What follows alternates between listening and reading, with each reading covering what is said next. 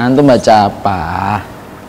Si ibu aja buka gadget. Gadget itu menjauhkan yang dekat, mendekatkan yang jauh. Bukan gitu, Ustaz. Nih, Apa itu? Keponakan aneh. Ponakan antum. Statusnya tuh Antum berarti udah tua dong ya? ya lumayan, Ustaz. Ponakannya banyak. Jadi ini eh, masa-masa puber. Oh gitu. Jadi statusnya ngomongin galau cinta terus. Wah pas dong, kan kita mau menjelang bulan Februari.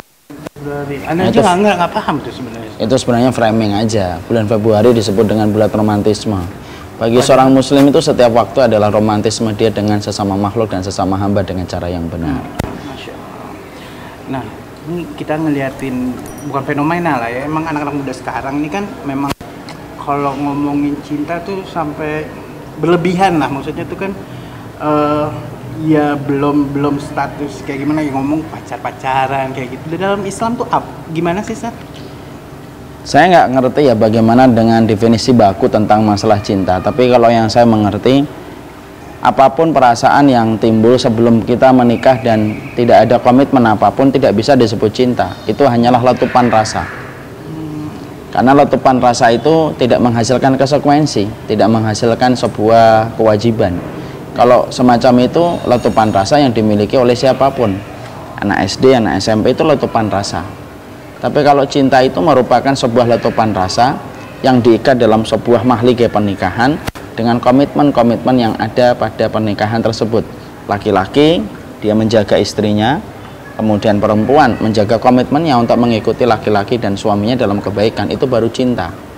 Karena sesungguhnya cinta itu perasaan yang Allah anugerahkan kepada hati manusia supaya dengan cinta itu Allah menguji apakah cinta itu mendekatkan kepada Allah atau menjauhkan dari Allah. Masalahnya hari ini kita ini jadi korban film, korban sinetron yang sudah di framing bahwasanya anak SMP cinta SMP, ada SMA dan framingnya berhasil cinta SMA. Seakan-akan cinta yang paling indah itu cinta SMA. Berapa banyak pernikahan gagal berantakan gara-gara CLBK cinta SMA yang dianggap cinta yang terbaik. Salah itu framing. Orang yang beriman tuh nggak gitu, bukan korban framing. Cinta itu didasari kepada komitmen kuat. Makanya kalau ada orang ketika mereka dalam kondisi memiliki letupan rasa tapi dia tidak memiliki keinginan untuk berkomitmen tidak disebut dengan cinta itu hanyalah geluran nafsunya saja yang berbicara. Makanya sebenarnya inilah kewajiban kita kan. Kita ini harus menyampaikan sama anak-anak bahwasanya kalian tuh harus membedakan irisan antara gelora rasa dengan masalah cinta.